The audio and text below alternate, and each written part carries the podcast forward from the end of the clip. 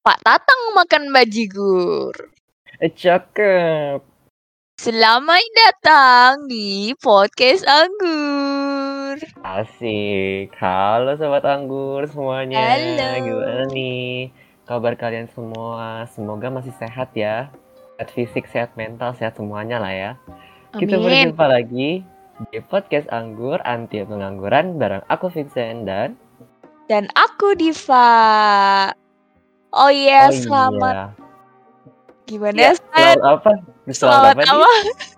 lanjut, lanjut, San. Selamat menjalankan ujian akhir semester bagi teman-teman yang sedang menunaikan ibadahnya. Semoga semuanya lancar nih uasnya dari Amin, awal sampai amin. akhir. Amin. Amin, ya Allah. BTW, BTW Udah nih. bisa yuk. Hmm, Sobat Anggur udah pada dengerin episode 10 kemarin belum ya? Pastinya udah gak sih? Kemarin soalnya itu seru banget kita ditemenin sama full squad Anggur ngobrolin tentang produktivitas di masa sekarang, terus kekhawatiran yang dimiliki, terus keinginan di masa depan. Terus selain itu juga Scott Anggur juga sharing cara untuk survive di kehidupan masing-masing. Keren banget gak sih Scott Anggur? Teman-teman kita keren-keren banget ya, Dev. Aku insinyur Parah. ya. Insinyur, insinyur. iya tuh, bener banget tuh kata Diva. Kemarin tuh rame banget ya kita podcast Anggur bisa full squad akhirnya. Terus eh, bisa bisa kali nih tiap episode kita full squad terus biar rame aja gitu. Amin. Ayolah, gegokan. Ayolah, kita atur nanti jadwalnya lagi. BTW, episode ini kita mau ngomongin apa lagi ya? Mau mau cerita suatu hal yang mungkin biar kita bisa punya topik obrolan episode kali ini nggak, Dev? Ntar, ntar mikir-mikir. Oh, oh, oh, oh, oh. Aku mau curhat soal pengalamanku aja deh. Jadi Gimana tuh, jadi tuh, jadi tuh, aku tuh pernah selama pandemi ini saking banyaknya tugas yang numpuk yang harus aku kerjain tuh ujung-ujungnya tuh multitasking gitu loh, San. Hmm, Terus terus Nah, ada satu waktu yang bikin aku ngerasa tuh nggak berenergi lagi buat ngerjain-kerjain itu. Kayak bener-bener rasanya, udah ini kayaknya udah di ujung, kayaknya udah nggak bisa lagi deh bener-bener capek. Kayak udah nggak ada bayangan sama sekali mau mulai dari mana, cara ngerjainnya gimana, ngerjain apa gitu loh. Kayak bener-bener mentok gitu loh. puk puk jangan sedih dong, Dev. Iu.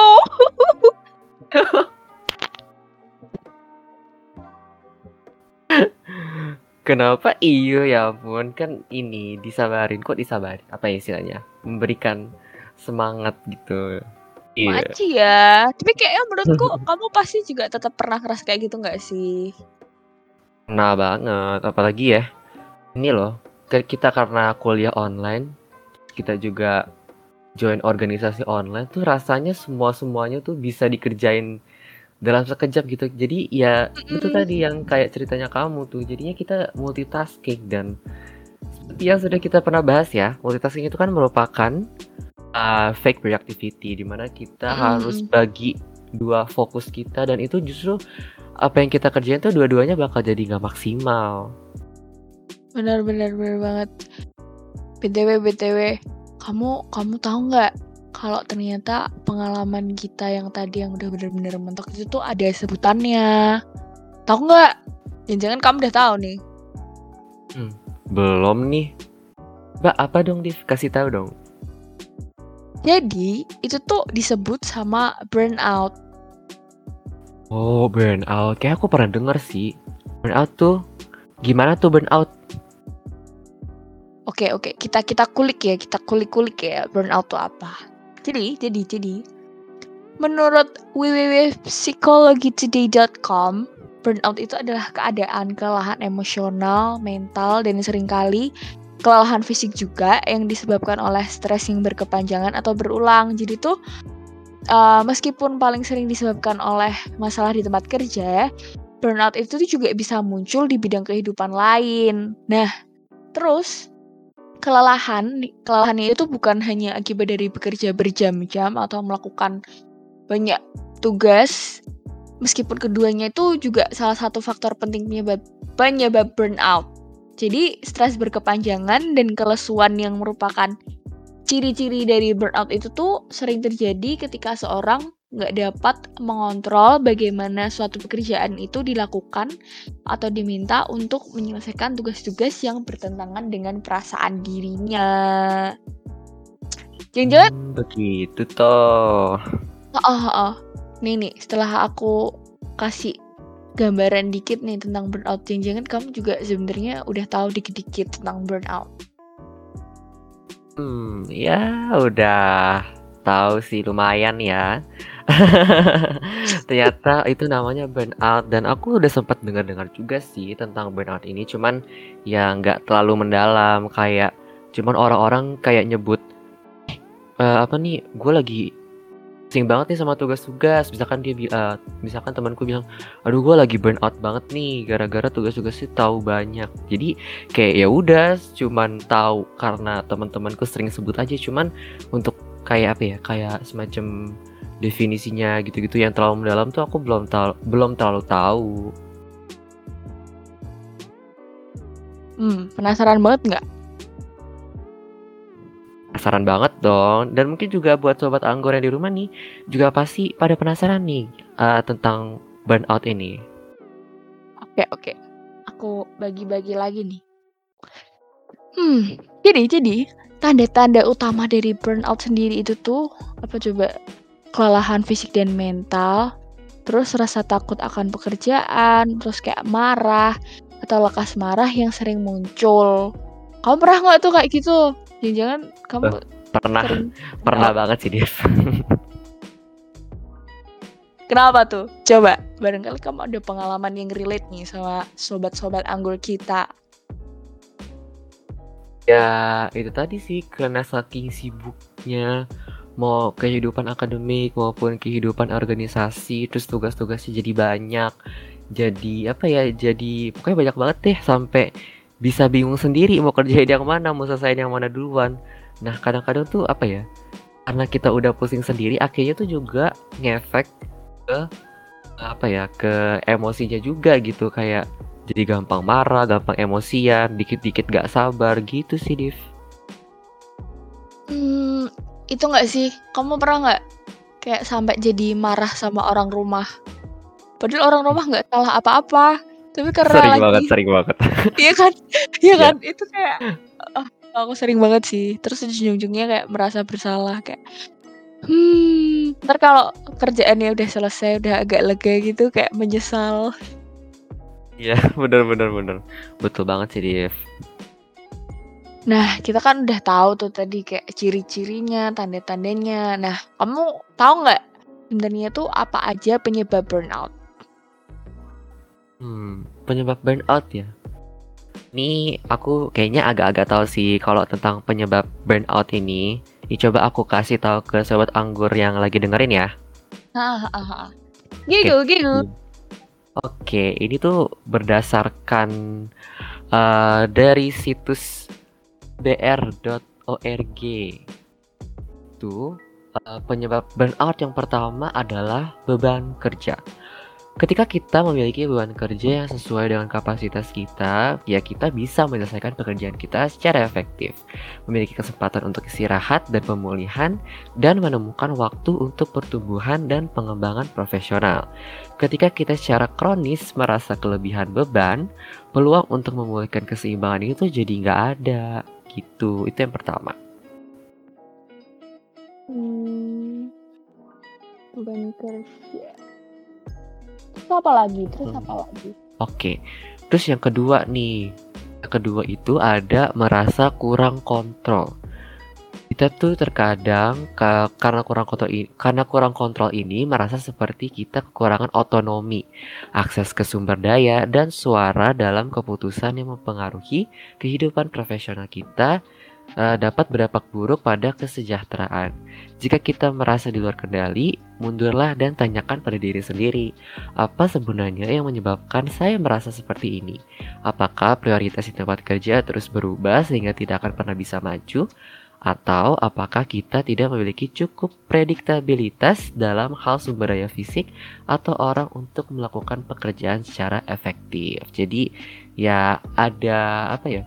Ada waktunya juga nih untuk kita supaya gak burn out itu apa ya kayak refleksi diri gitu loh. Jadi kayak kita mengambil waktu sejenak terus kita nanya lagi nih ke diri sendiri kenapa kok bisa seperti ini? Apa yang menyebabkan kita merasa burn out? Gitu sih. Hmm. jadi kayak lebih ininya lebih tahu tahu diri sendiri gitu nggak sih Sen? Hmm, nah karena kan kita yang ngerasain ya jadi tuh hmm. apa ya kita ya harus diri kita juga yang bisa kontrol gitu hmm. terus terus ada lagi nggak terus yang ketiga itu karena adanya hadiah atau imbalan. Nah, jika imbalan ekstrinsik dan intrinsik untuk pekerjaan tidak sesuai dengan jumlah usaha dan waktu yang diberikan untuk itu, kemungkinan besar kita tuh bakal ngerasa investasi tersebut tuh nggak sepadan dengan hasilnya. Jadi kayak kita udah apa ya mengharapkan sesuatu yang besar yang hmm. rasanya tuh kita udah kerja keras gitu dan ha harusnya kita bisa dapat sesuatu yang sepadan juga dengan dengan usaha yang udah kita keluarkan tapi ternyata ya kadang-kadang kan nggak semua hasil itu bisa sesuai ekspektasi kita gitu. Hmm. Jadi ingat ada quotes sebenarnya yang membunuh kita tuh adalah ekspektasi kita sendiri. Yeah. Nah, iya. Ini kok tuh Bendif jadi bijak begini ada bekas makan apa nih? Cer. Hmm. Bener sih, kayak harusnya aku bisa gini. Aku udah ngerjain ini ini, tapi kenapa hasilnya segini doang? Hmm, betul sekali. banget. Terus ada lagi nggak masih ada nih. Jadi penyebab lain nih kenapa kita burn out yaitu komunitas atau lingkungan kita. Dengan siapa hmm. kita bekerja, seberapa mendukung dan saling percaya hubungan tersebut. Dalam banyak kasus, kita tuh nggak bisa milih nih kolega dan klien kita, tapi kita bisa meningkatkan dinamikanya.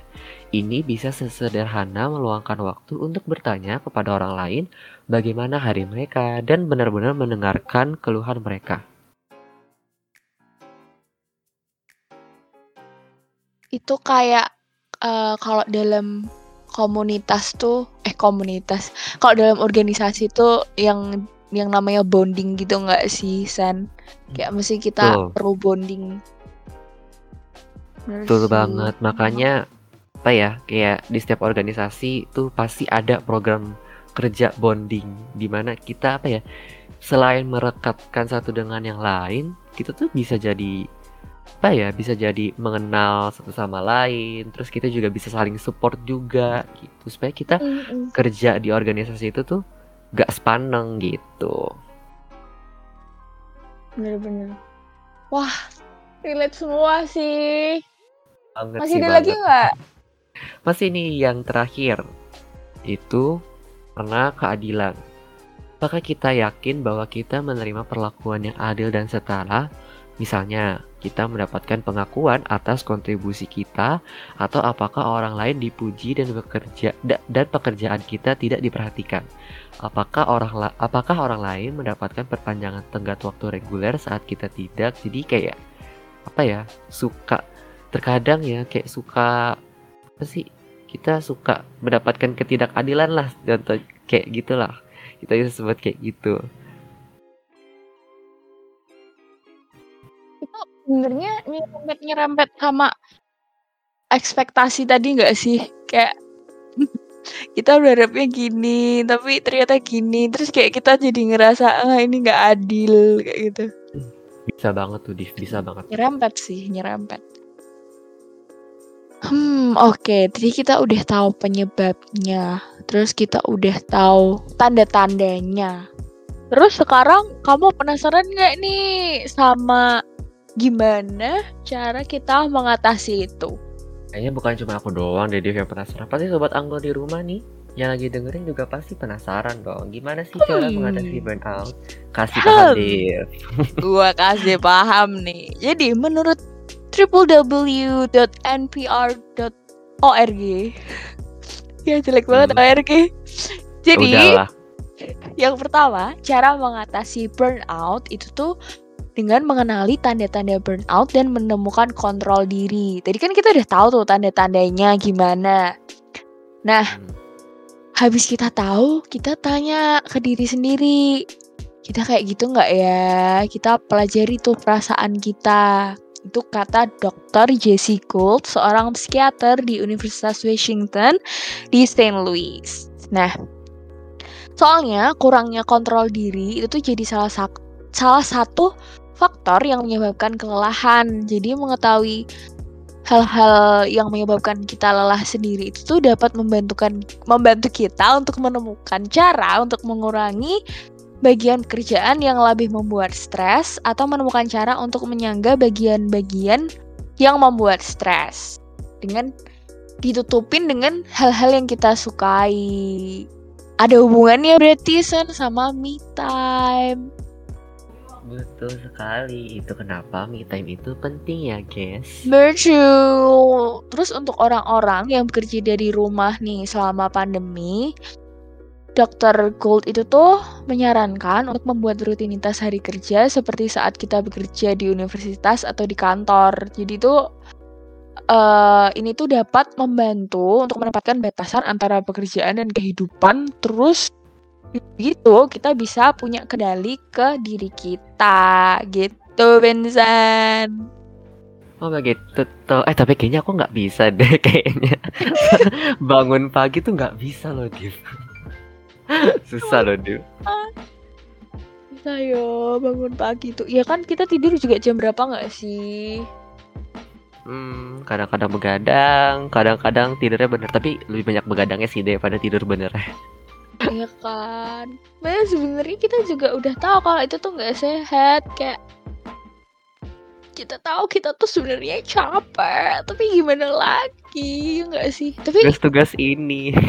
iya sih tapi tuh tapi kamu sadar gak sih sebenarnya tuh eh ada nggak sih tetap teman-teman kita yang nggak pernah begadang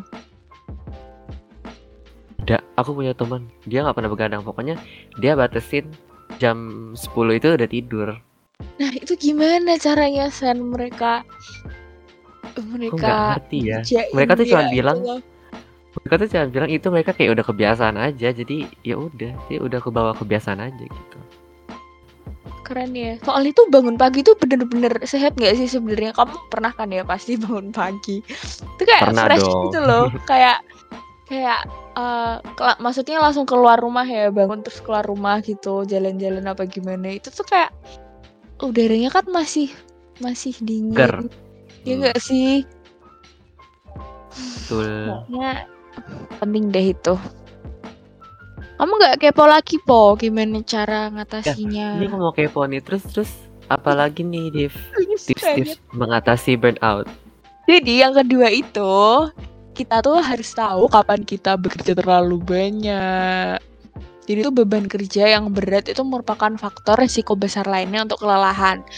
Saat kita memiliki terlalu banyak hal yang harus dilakukan, tidak punya cukup waktu, akibatnya itu otak dan tubuh itu terus-menerus stres dan setelah beberapa saat tidak dapat bekerja dengan baik. Jadi penting untuk beristirahat dan kata dokter Gauruva Agarwal, seorang siap maaf maaf saya keselak seorang psikiater dan pelatih kesehatan di Fakultas Kedokteran Feinberg di Universitas Northwestern dan Direktur Kesejahteraan Dokter. Jadi itu kata dokter Gaurav Agarwal tuh kayak gitu. Jadi kita kita tuh perlu memastikan kita beristirahat dengan menenangkan otak kita karena otak kita itu tidak dirancang untuk bekerja sekeras ini selama ini dan secara kronis.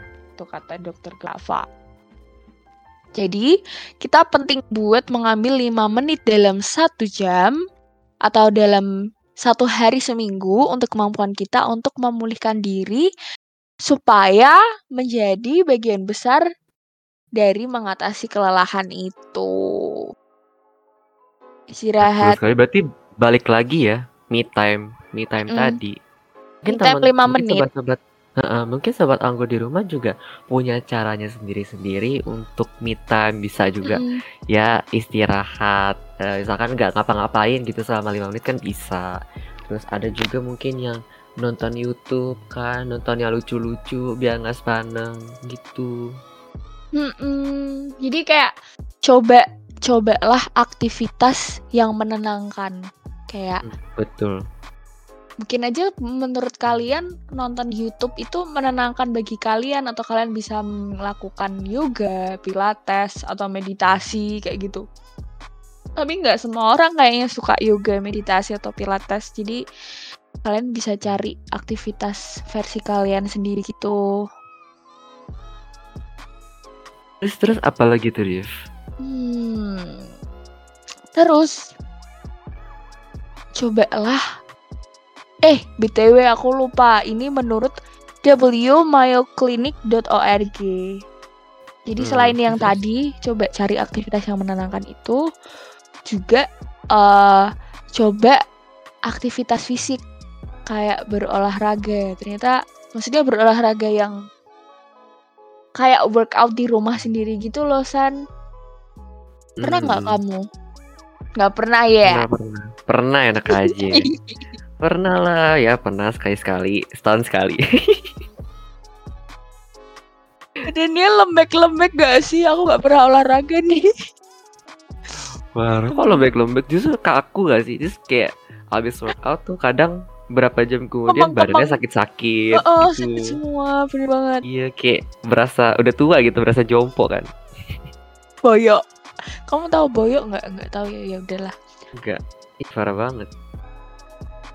Terus eh ini kayaknya yang semua orang udah tahu sebenarnya. Kita juga tadi udah bahas yaitu tidur yang cukup dan teratur. Hem, Hmm, hem. Itu udah banyak risetnya nggak sih Sen? Kalau tidur tuh sangat diperlukan manusia, terus kayak sangat penting, terus nyekip waktu tidur tuh sangat tidak baik. Sebenarnya semua orang tuh udah tahu, tapi tetap susah buat buat ngatur waktu tidur gitu loh. Iya. Kenapa ya? Kenapa nih? Iya dan dan tidur lama pun tuh juga kalau nggak berkualitas sama aja nggak sih? Mm-mm. Kayak Oke mungkin squad eh squad sobat anggur mungkin bisa taruh di kolom komentar ntar di Instagram kita kayak apakah kalian juga masih belum bisa mengatur waktu tidur atau ada yang punya caranya buat mengatur waktu tidur? Comment down Boleh below. drop. Wedan. Oke, terus nih yang terakhir dari dari mayoclinic.org yaitu pentingnya akan kesadaran dan perhatian salah pentingnya kesadaran dan perhatian akan diri sendiri. Jadi perhatian penuh itu tuh adalah tindakan memusatkan perhatian sehingga menjadi sangat sadar akan apa yang kita rasakan dan apa yang kita lakukan setiap saat tanpa interpretasi atau penilaian.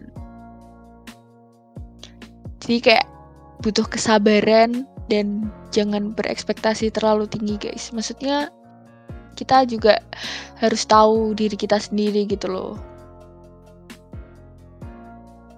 Tuh Gitu. sekali. Aduh, ternyata banyak nih ya uh, tips-tips cara mengatasi burnout itu sendiri. Nah, mungkin sobat anggun, mungkin sobat anggun yang di rumah udah ada tahu beberapa atau mungkin belum tahu sama sekali ya. Kalian selamat. kalian sudah mendengarkan podcast ini karena di sini tips-tipsnya benar-benar bisa diterapin di dalam kehidupan sehari-hari kita dan ya ya mungkin beberapa dari kita ada yang punya aktivitas yang apa ya kayak udah menjadi suatu kebiasaan uh, untuk melakukan hal yang tidak baik kayak misalkan begadang tadi. Sedangkan di sini kita ada tipsnya tidur yang cukup dan teratur. Ya mungkin kan udah jadi kebiasaan kayak jadi susah kali ya untuk bisa tidur secara teratur dan tidur cukup gitu. Tapi ya ya udah kita di sini semua juga sama-sama belajar gimana nanti kita bisa menerapkan gak cuma satu tips aja tapi semua tips supaya kita uh, gak burn out pas lagi bener-bener hektik-hektiknya sama tugas-tugas mungkin tugas-tugas kuliah atau tugas-tugas organisasi atau proker atau juga mungkin teman-teman uh, sobat-sobat anggur yang di rumah udah ada yang part time untuk kerja mungkin ada juga Hmm. full time kerjanya nah ini bisa banget nih tips-tipsnya diterapin Iya bener banget. Jadi intinya jangan stres, jangan lupa me time, enjoy your life. Soalnya you only live once guys. Jadi yo iyo lo mati hidup lo gitu loh. Jangan sampai burn out gitu. Mungkin boleh eh, closing statement lagi dari Mas Vincent. Ah, ini saya be- berasa di kelas ya, ditunjuk Yeah. loh. Oke deh. Jadi karena terlalu banyak beban kerja yang sering kali membuat kita sangat lelah, burnout bisa saja datang ke dalam diri kita. Namun jangan cepat menyimpulkan ya, bisa jadi kita hanya lelah sesaat dan perlu istirahat. Pada intinya, kita harus sadar dengan apa yang kita pilih untuk lakukan. Kita juga harus sadar dengan keadaan diri kita. Just because you take breaks doesn't mean you're broken. Kalau kalian gimana? Pernahkah kalian punya pengalaman mengatasi burnout? Drop your comment down below. Gimana sih? Comment down below gitu. Ya, gitu. Jadi teman-teman burnout tuh. Oke. Mungkin segini dulu aja ya ngobrol-ngobrol kita untuk episode kali ini. Hmm, ternyata seru banget nih episode kali ini. Kita ngebahas satu Mm-mm. topik yang benar-benar sebenarnya ini cukup umum ya untuk kita-kita apalagi buat mahasiswa nih. Yang Mm-mm. terlalu banyak tugas terus kadang-kadang bisa burnout juga. Nah, ini seru juga nih topik kita hari ini. Semoga bisa menambah insight baru di tengah hiruk pikuknya dunia yang fana ini ya guys. Iya, betul sekali. Huh. Kalau gitu jangan lupa tungguin kita di hari Jumat jam 8 nggak mungkin nggak ada sih. Jangan sampai ketinggalan dari podcast mingguan kita karena buat episode depan kita bakal ngobrol-ngobrol lagi nih yang lebih realistis tentang burnout. Jadi jangan sampai ketemu. Kok jangan sampai ketemu sih? Jadi, Jadi sampai ketemu di episode selanjutnya. Dadah. Bye-bye Bye-bye sobat anggur. anggur.